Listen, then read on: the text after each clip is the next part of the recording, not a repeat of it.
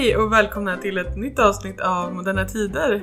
Den här gången med mig, Matilda Säv, och eh, som vanligt med dig, Stefan Hjalmarsson. Ja, hejsan.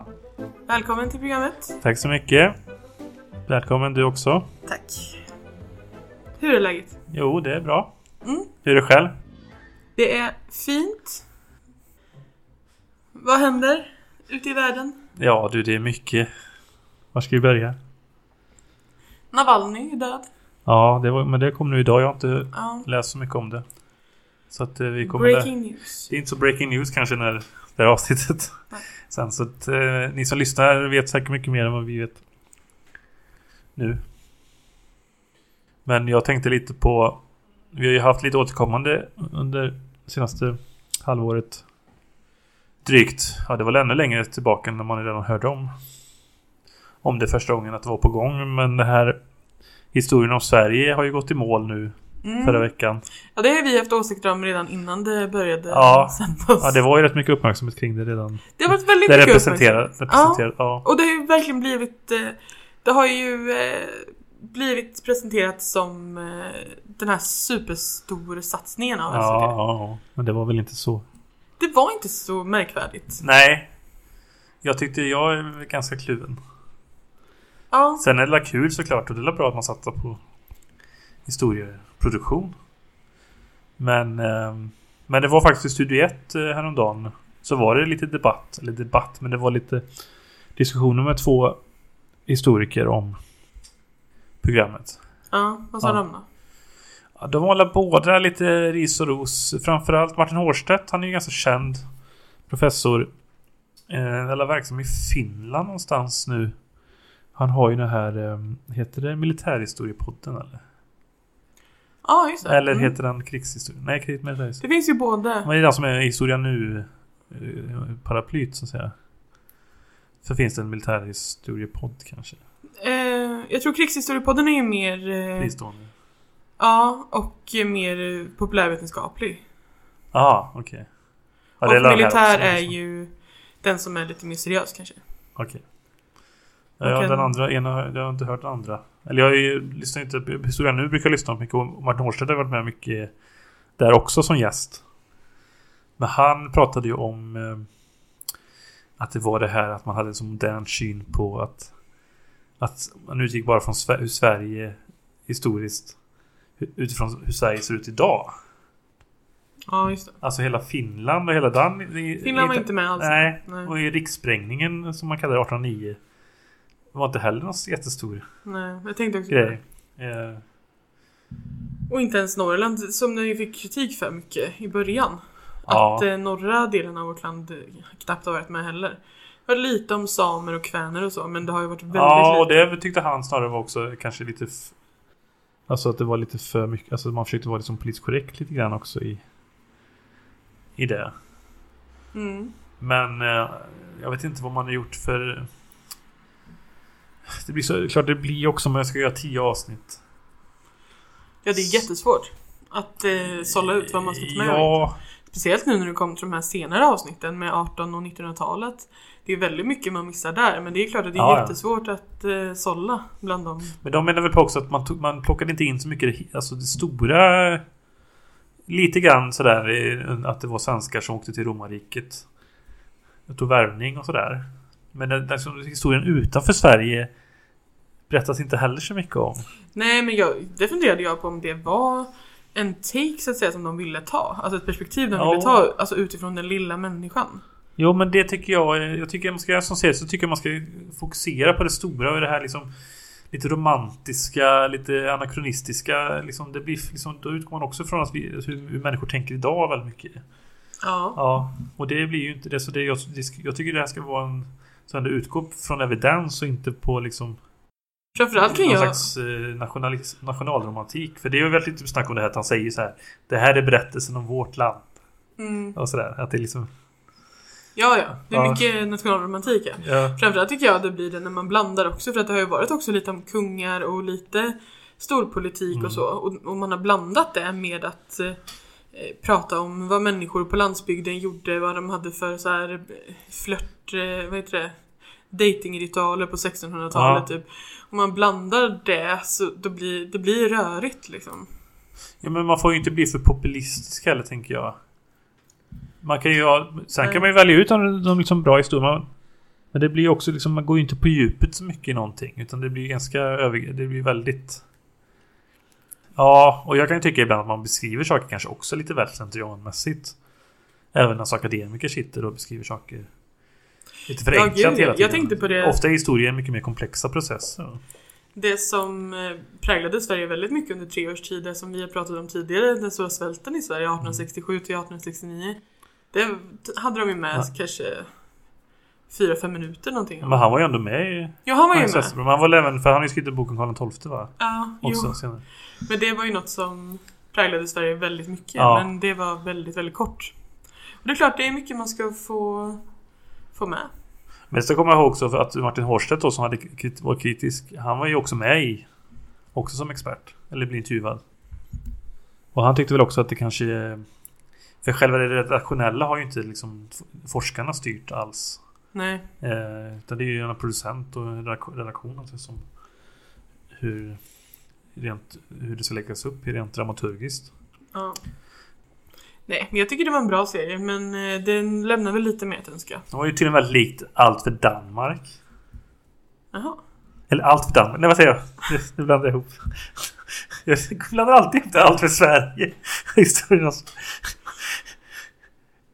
har du inte hört om Nej. Historien om Danmark? Nej. Danmark gjorde en historia, eller en, en serie 2017. Som Jaha. heter Allt för Danmark. Inte, inte allt för Danmark. Nej, nej. Det kanske finns, det kanske finns också. Men... Eh, den heter Historien om Danmark. Eller ja, vad det nu blir på danska. Ja, Och det jag ska var... inte härma danska. Eh, nej, men det har ju tydligen gjorts... Det är flera som gjort spaningar kring det. För det går att titta på YouTube typ. Ja. Det är Lars eh, Mikkelsen. Jaha, Eh, Mads bror. ja. Som eh, jag mest eh, tänker på att han spelade Rysslands president i House of Cards. Jaha. Ja, är det han som är Simon Berger alltså?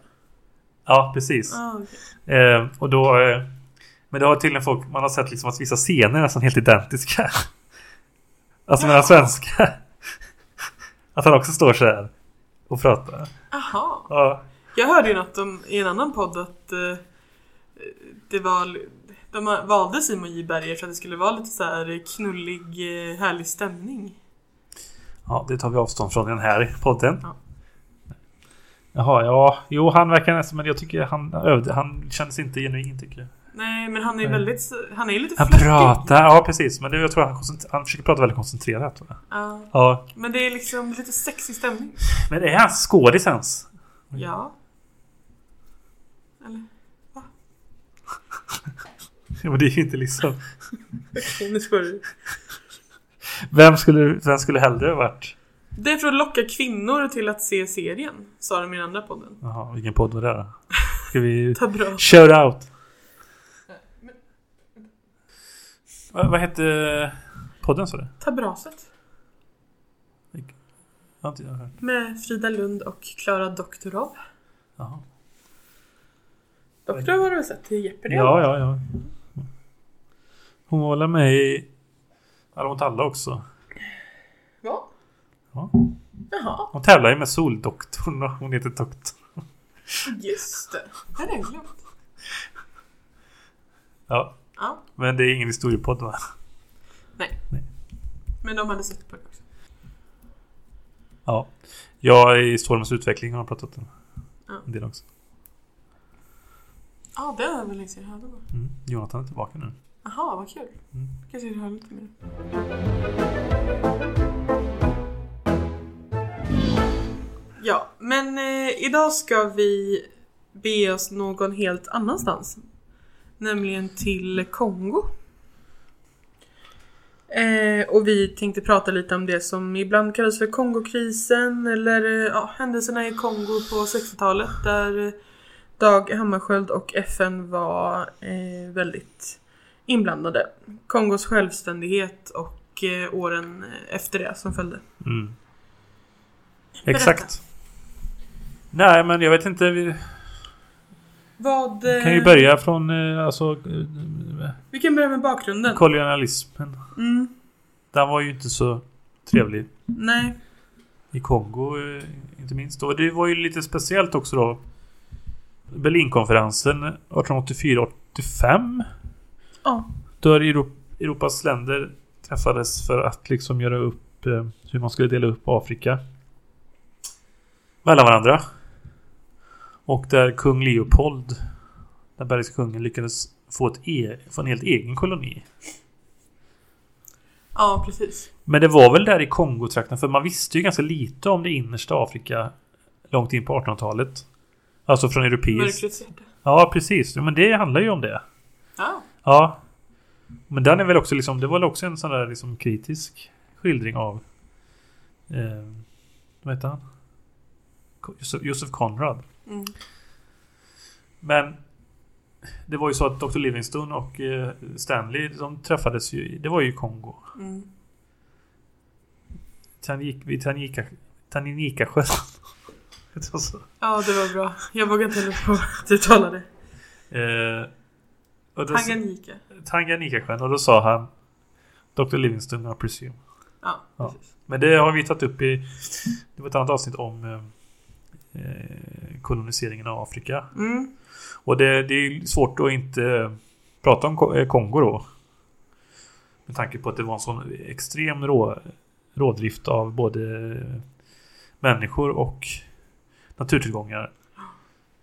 Och grejen var ju att då att de andra europeiska länderna lyckades liksom, han lyckades få stöd för att han det var ju inte en belgisk koloni utan det var kungens egen Mm. koloni. Väldigt märkligt att det blev så. Eh, för det är ett jättestort område. Det är som hela Västeuropa ungefär. Ja. Ja. Och eh, eh, det skapades ju utifrån en slags antrop- eh, altruistiskt eh, Motiv. motiv. Mm. Att det skulle vara för att gynna invånarna på något sätt. Som kung Leopold fick det? Ja. Jaha, det visste inte jag. Nej, men jag vet inte om de andra brydde sig så mycket heller egentligen. Men, eh, Nej, de, européerna är inte kända för att de hade. Altruistiska motiv när de delade upp Britterna skulle nog säga att de eh, sådär, de hävdade ju att de eh, sådär, jo, Indien hade inte varit så bra om inte de hade byggt järnvägar i Indien liksom.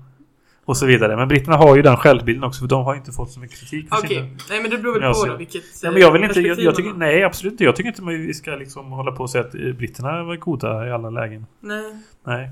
Det är väl klart att en kolonisering av en hel världsdel i stort sett är eh, hemskt. Ja det, var, ja, det var ju egentligen bara... Liberia blev en självständig stat Mm. 1847 kanske. Av, det var en slav, alltså en gammal slavkoloni som blev Alltså återvändande slavar fick en egen stat. Ja, det är därför det heter Ja. Liberia. Ja, och den Monrovia är vi efter Monroe, alltså den amerikanska presidenten. Mm. Eh, och sen även då Abyssinien, eller alltså dagens Etiopien var ju, Ja. blev ju aldrig koloniserat. Nej, det var ju Ja. de enda två länderna. Ja. Italienarna försökte ju sen på 30-talet. Mm. Precis, så hela världsdelen var ju i princip... Eh, sen kan man säga att då...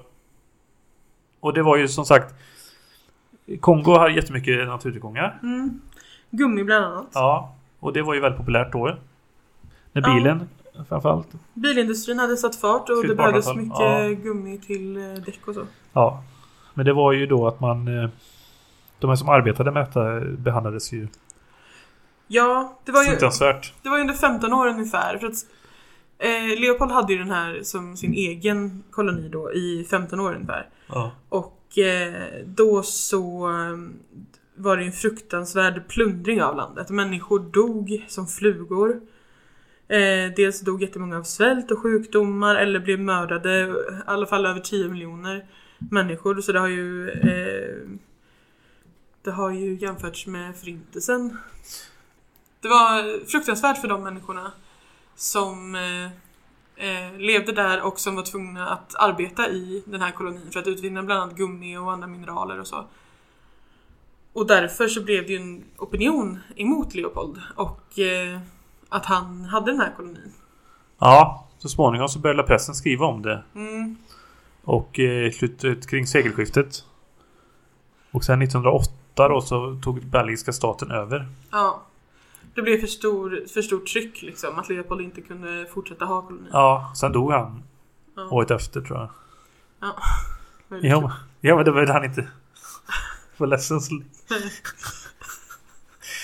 eh, nej men det är också det, det om du jämför med förintelsen och andra eh, hemska saker så Så kan man säga att det här är inte så jättemycket. Nu pratar man ju om det kanske då. eh, Vi pratar om det nu och det skrivs ju böcker och forskas om kolonialism och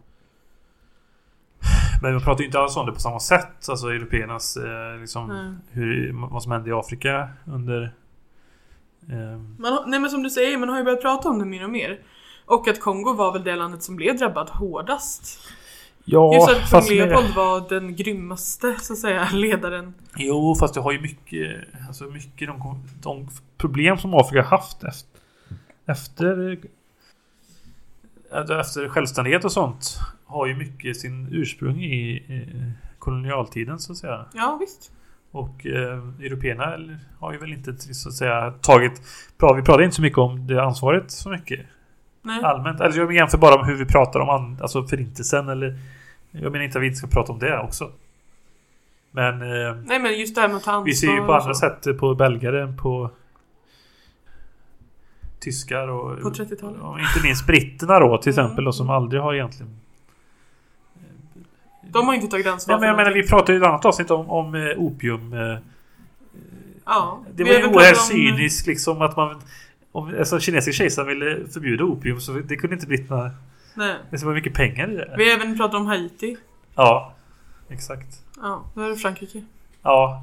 Sen kan man ju säga att kolonialismen är ju ganska komplex för att länderna drev ju sina kolonier på olika sätt och det var liksom olika system och så det är ganska rörigt allting. Sen kan man tycka att det är en ganska konstig grej det här att man eh, tar ett land och säger att vi, vi tömmer det på naturresurser. Ja, jag vet inte om man hade den om man hade den eh, inställningen eller om man tänkte bara att här finns det ju så himla mycket Ja, ja, naturresurser ja. så det kommer aldrig ta slut. liksom. Nej, nej, och det byggde ju också på... eh, Det hade ju här med rasistiska föreställningar också. Att, att den här... De var ju efter... Alltså,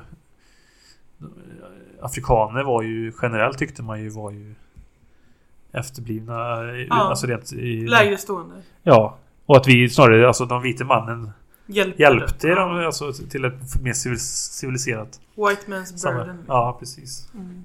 Den ädle vilden. Mm. Var Rousseau eller? Ja. Ja.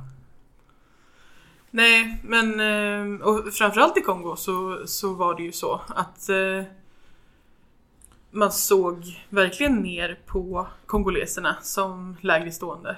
Ja. Man utbildade ju inga människor i stort sett. Jag läste att det var 17 kongoleser eller något som hade Ja. någon typ av högre utbildning av miljoner människor. Eh, när landet blev Ja, självständigt då. Så att det var ju helt och hållet totalt styrt av vita människor. Och sen då... när Bara de- belgare framförallt. Ja, ja, belgare precis. Ja, det var lite andra europeer också kanske men... Och när de lämnade då vid självständigheten 1960 så stod ju människorna där eh, helt handfallna. Ja.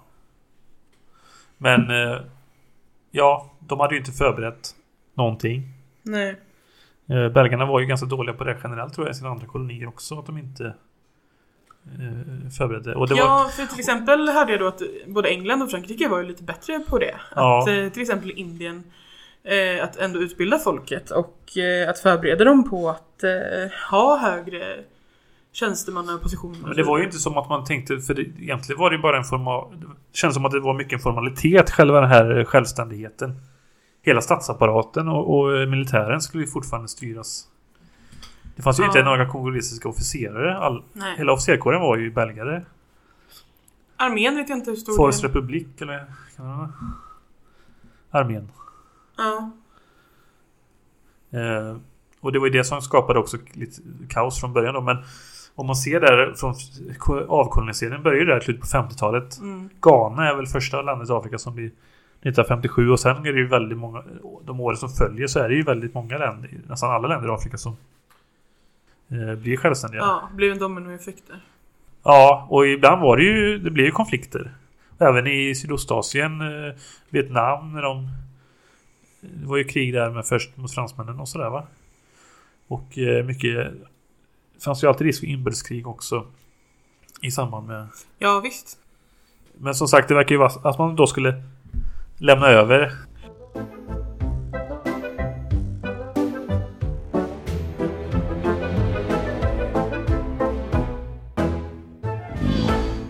kan ju prata lite om eh, 1960 då. Då blir eh, Kongo självständigt. Ja, den 30 juni Mm. blir man självständigt från Belgien. Och då har den belgiska kungen Baudouin tagit sig till Leopoldville heter Ja, Leopoldville. huvudstaden fortfarande. Mm. Eh, idag heter Kinshasa. Och Lumumba då. Lumumba ja, var premiärminister. Ja. Folkvald. Ja. Eh, väldigt ung. De var väldigt Och- unga alla. Och han höll ju ett brandtal. Ja, först höll, kungen höll tal först. Mm. Och det var festligheter och...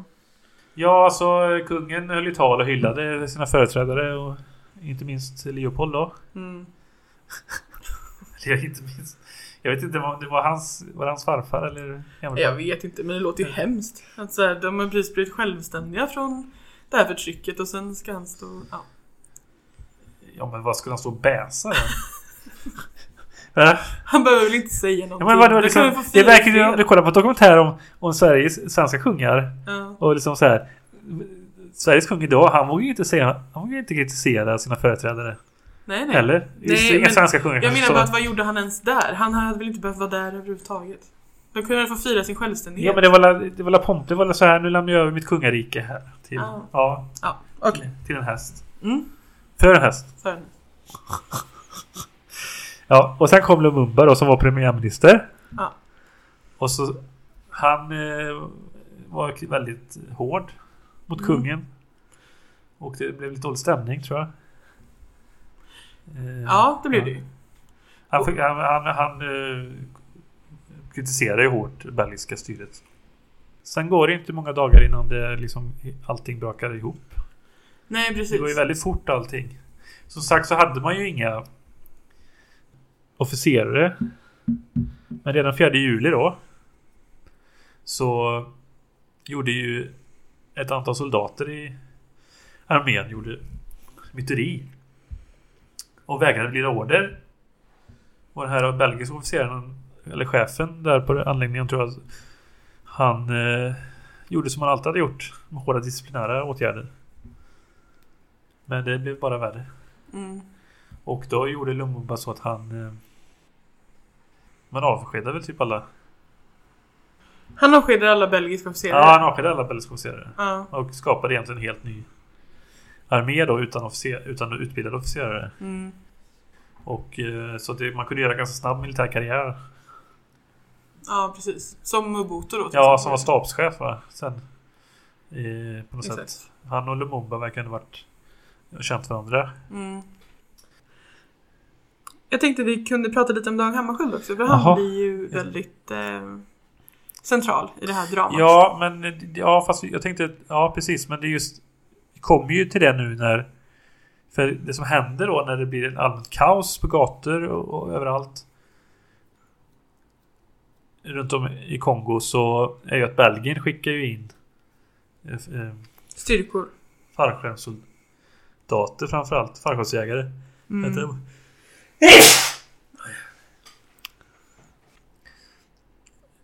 För att skydda, sin, e- skydda belgare och europeer. För folk börjar lämna nu Kongo också.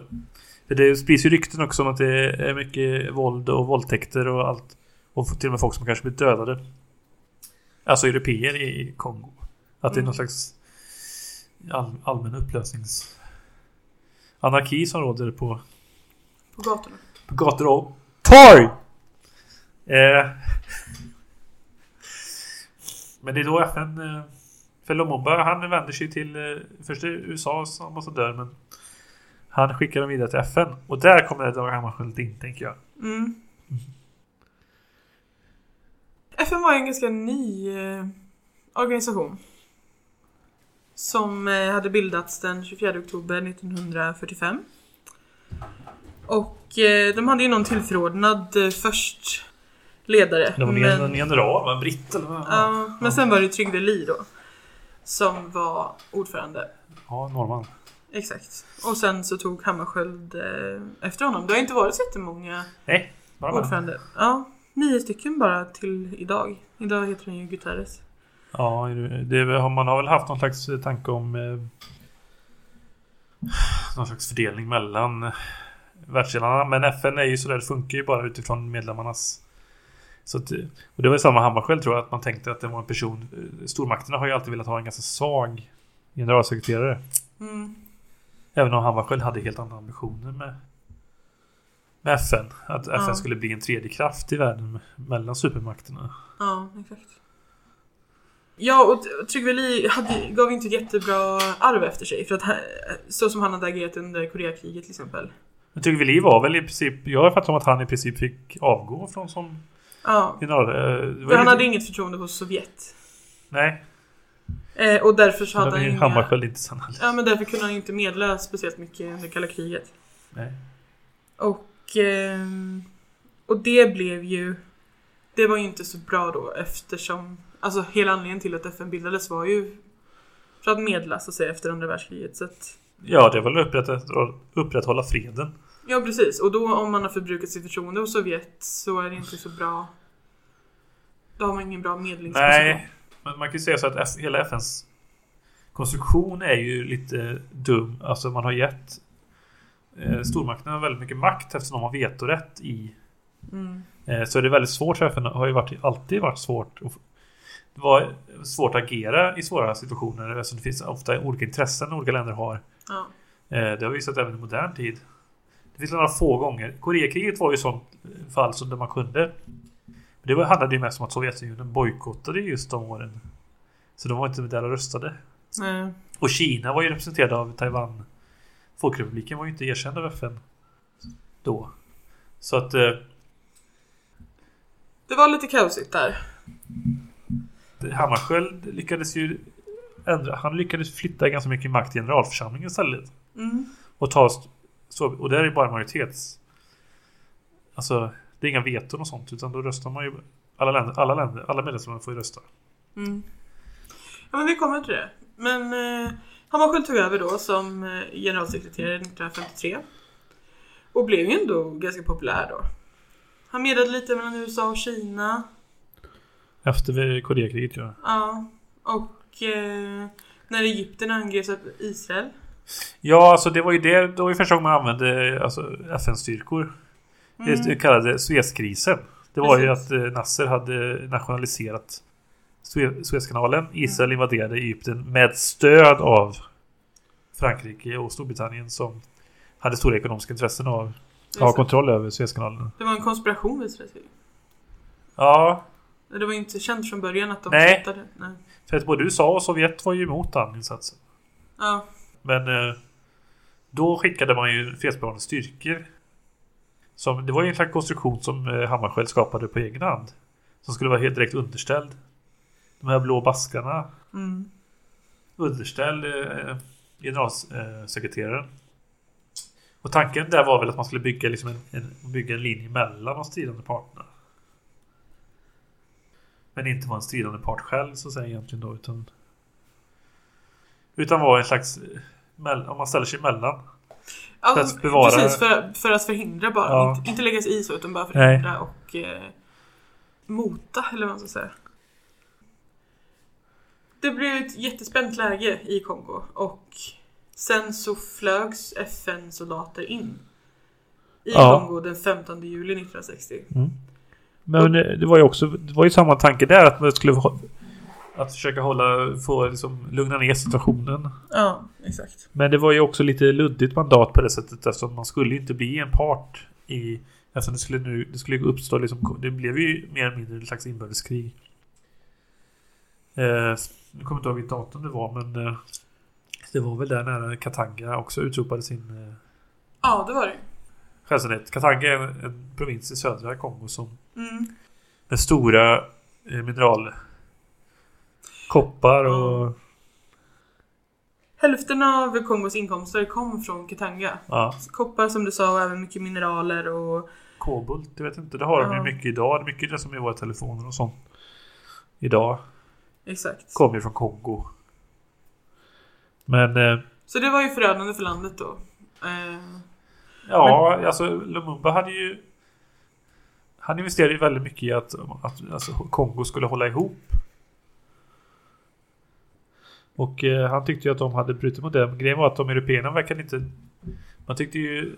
Formellt sett erkändes ju aldrig Katanga som en självständig del men Belgien och Frankrike och Storbritannien som var det stora eh, Det var ju bolag som... som de var ju ganska positiva egentligen att Katanga bröt sig loss. Ja, man kan ju säga att det stora problemet i Kongo efter självständigheten blev ju dels att det var, det var ju såklart kaos då efter självständigheten men det stora problemet blev ju det här med att Katanga utropade sig själva till en eh, självständig egen stat. Ja. Det var ju det, det är det som konflikten handlar om. Ja, delvis. Det var inte bara Katanga, det var ju fler områden som också utropade sig. Ja men det största problemet Ja. blev ju med Katanga.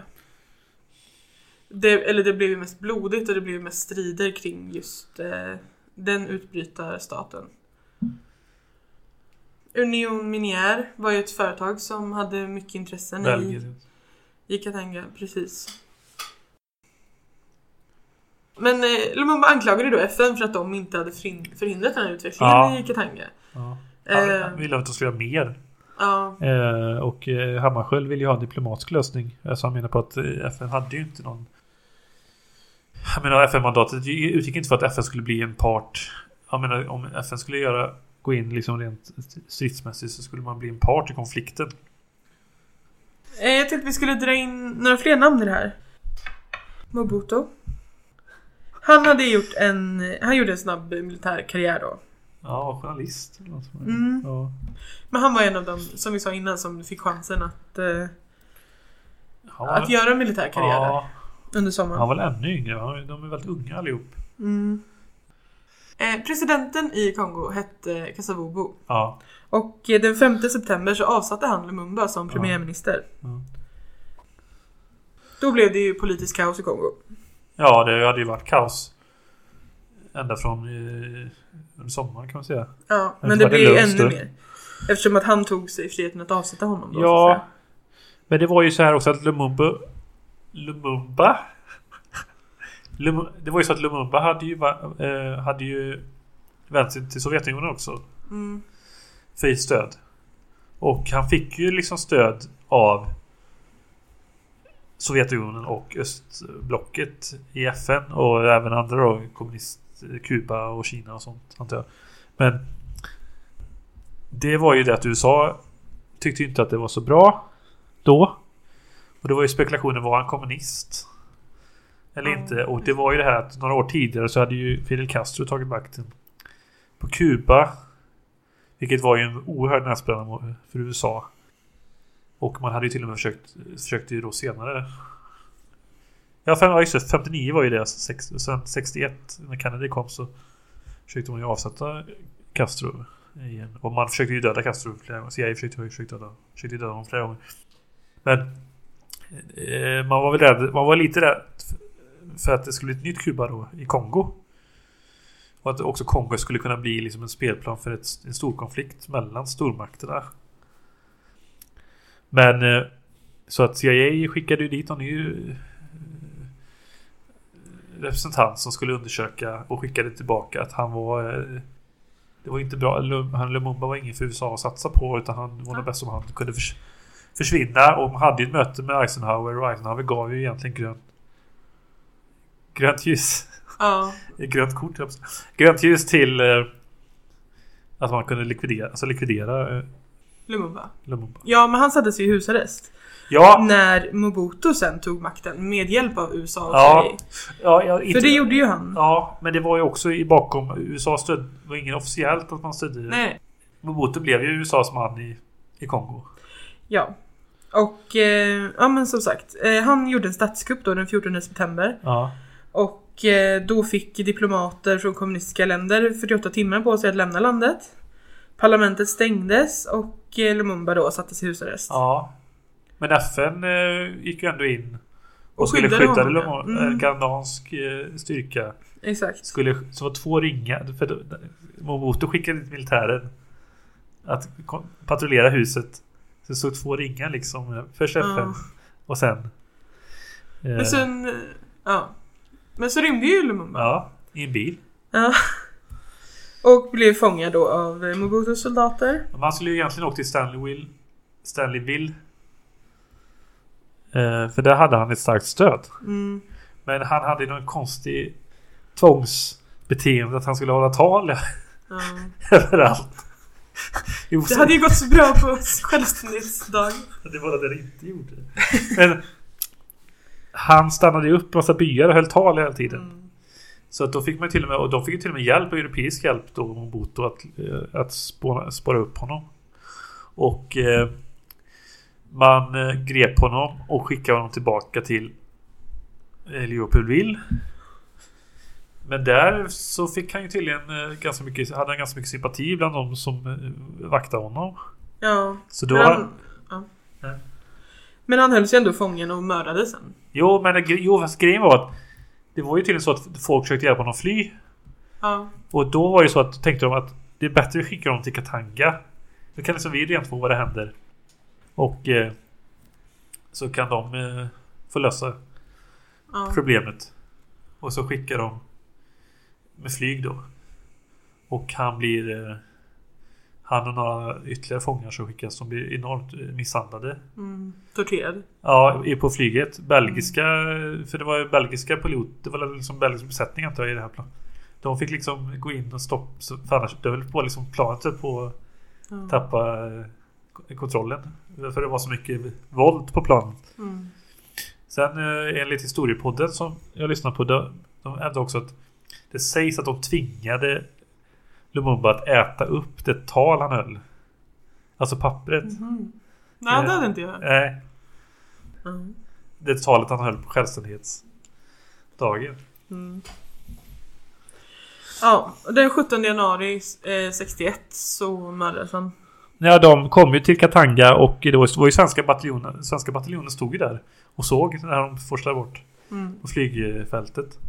Och de körde ut på en savann. Och Tjombe var ju med. Och även belgiska officerare. Och så hade de grävt tre gropar. Och sen fattade jag som att de sköt, arkebuserade dem och sen eh, försökte de tydligen eh, lösa upp kroppen med någon slags, med någon slags syra. Ja. Men det räckte inte. Så de fick bränna dem också. Och tydligen var det någon av de här andra kongoleserna där som man tog liksom reliker, man tog fingrar och guldtänd. De tog med sig och hade, hade, det hemma i flera år efteråt. Ja. Så att eh, så det finns inget det finns det inga liksom, kropprester kvar av Lumumba. Ja, en väldigt, väldigt tragiskt öde. Man erkänner ju inte först heller att man hade var det. Man påstår att det var bybor som hade attackerat. eh, Mm.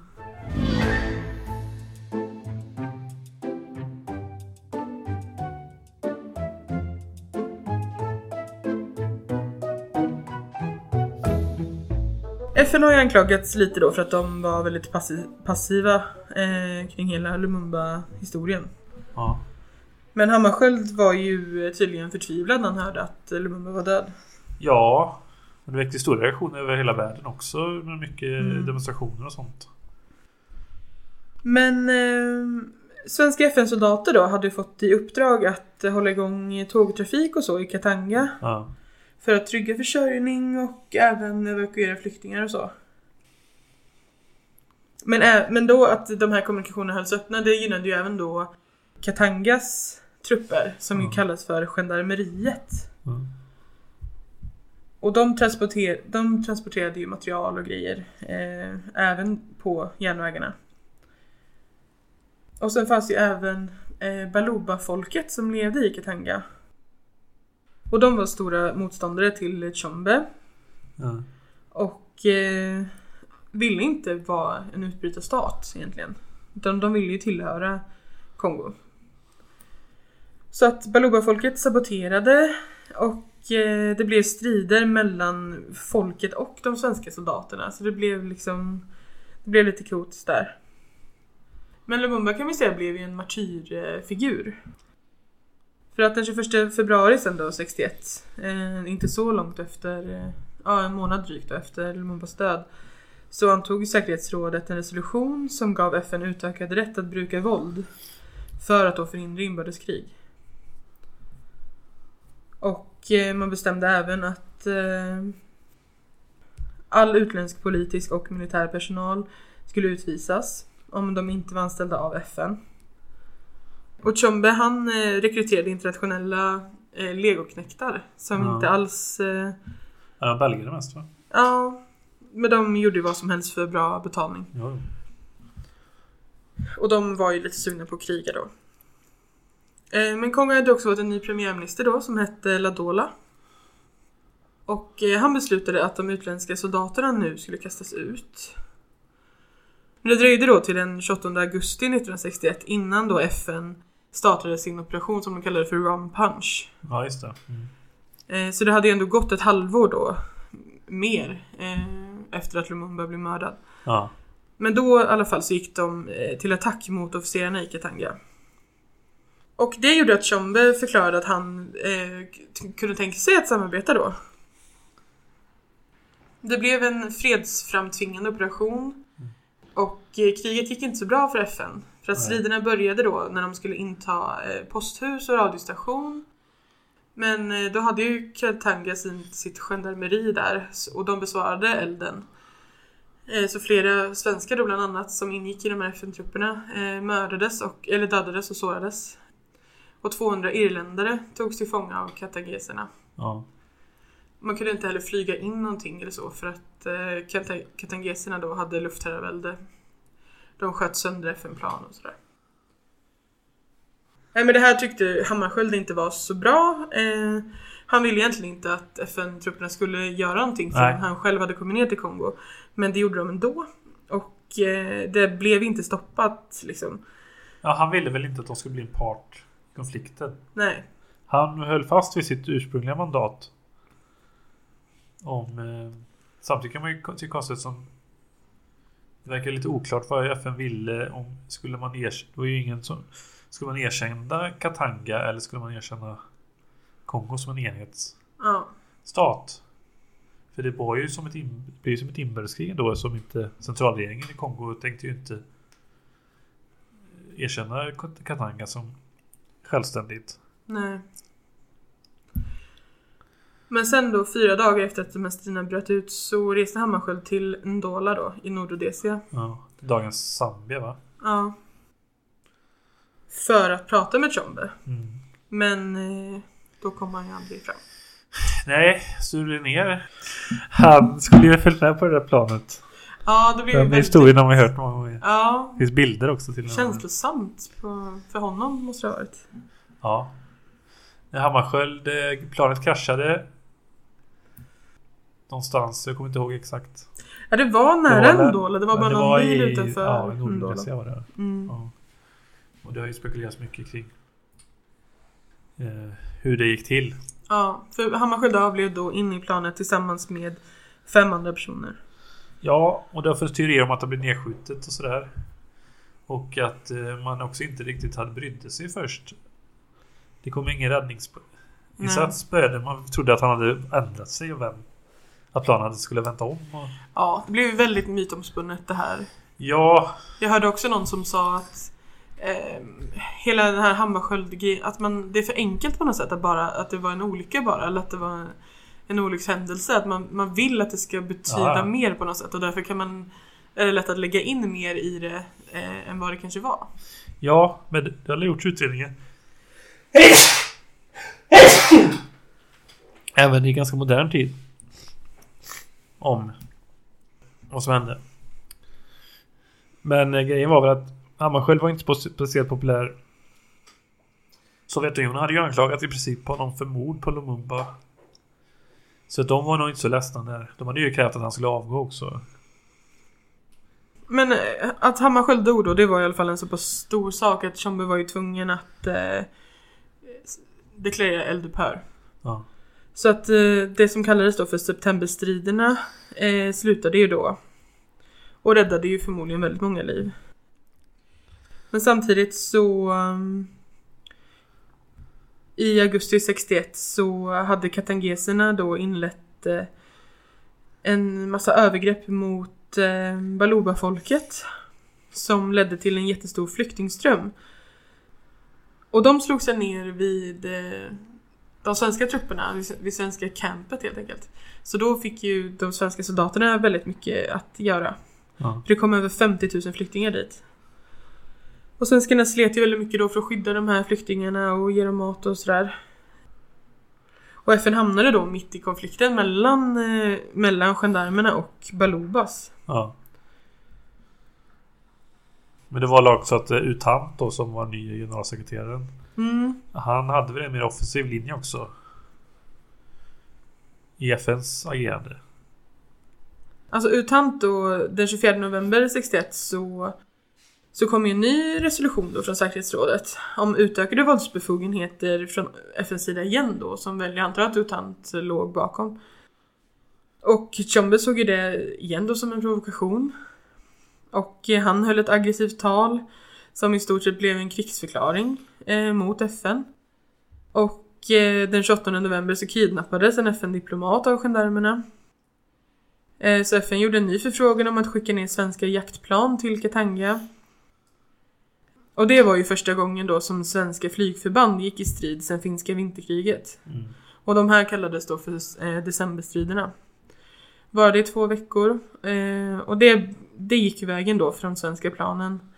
Och eh, efter det så behärskade FN helt och hållet Elisabethville då som var eh, huvudstaden i eh, Katanga.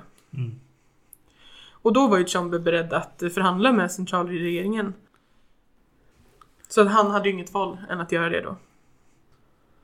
Men ja, han var ju inte riktigt lita på Tshombe. Så att det, var ju mycket, det kunde vara mycket tomma ord. Att han sa att ja, men då förhandlar vi om att Katanga ska återigen bli en del av Kongo. Men så blev det inte riktigt så. Och sådär.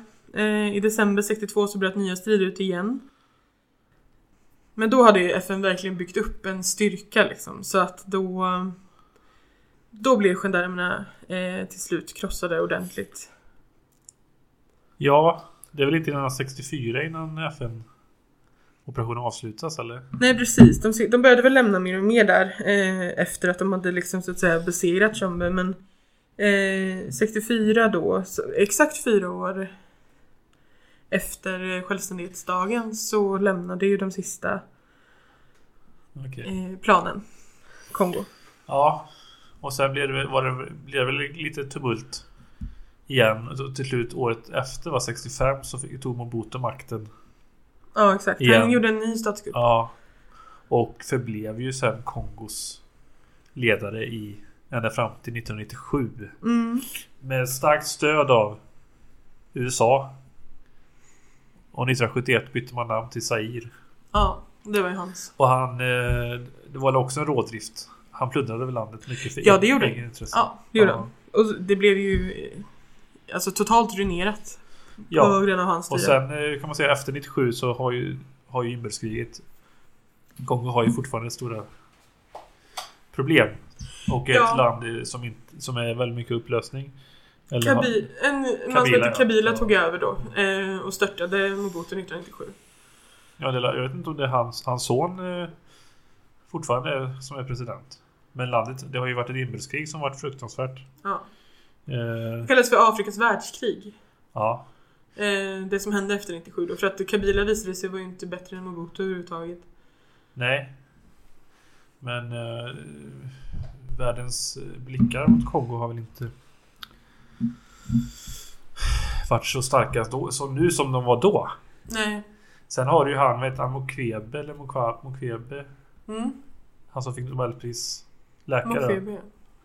Han är ju kong, jobbar ju mycket med, alltså det är ju mycket sexuellt våld. Som han har använts i det inbördeskriget. Mm. Och han har jobbat mycket med det. Den vården. Och fick ju Nobels fredspris för några år sedan. Mm. Ja, vad kan man säga då om eh, åren 1960 till 64?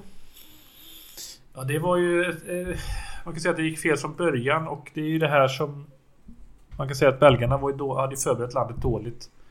Och eh, de hade ju även förberett andra. De hade, Rwanda var ju också till exempel en belgisk koloni och det vet vi hur det slutar senare Mm. i Rwanda. 94. Ja. Och hela det systemet med Tutsi och Hutu. Det var ju belgarna som hade skapat det systemet. Mm. Eh, så att, eh, Men eh, Hammarskjöld? Hjälte? nej. Nej. det var ett snabbt svar. Hammarskjöld var väl Han lite... ju Han var lite naiv. på Stut Ja, jo, 61. visst. Men han var väl... eh, Han var väl lite naiv kanske. Och trodde ju väldigt starkt på... Han förstod nog inte... Mm. Alltså det cyniska spelet. Visionär. St stormaktsspelet.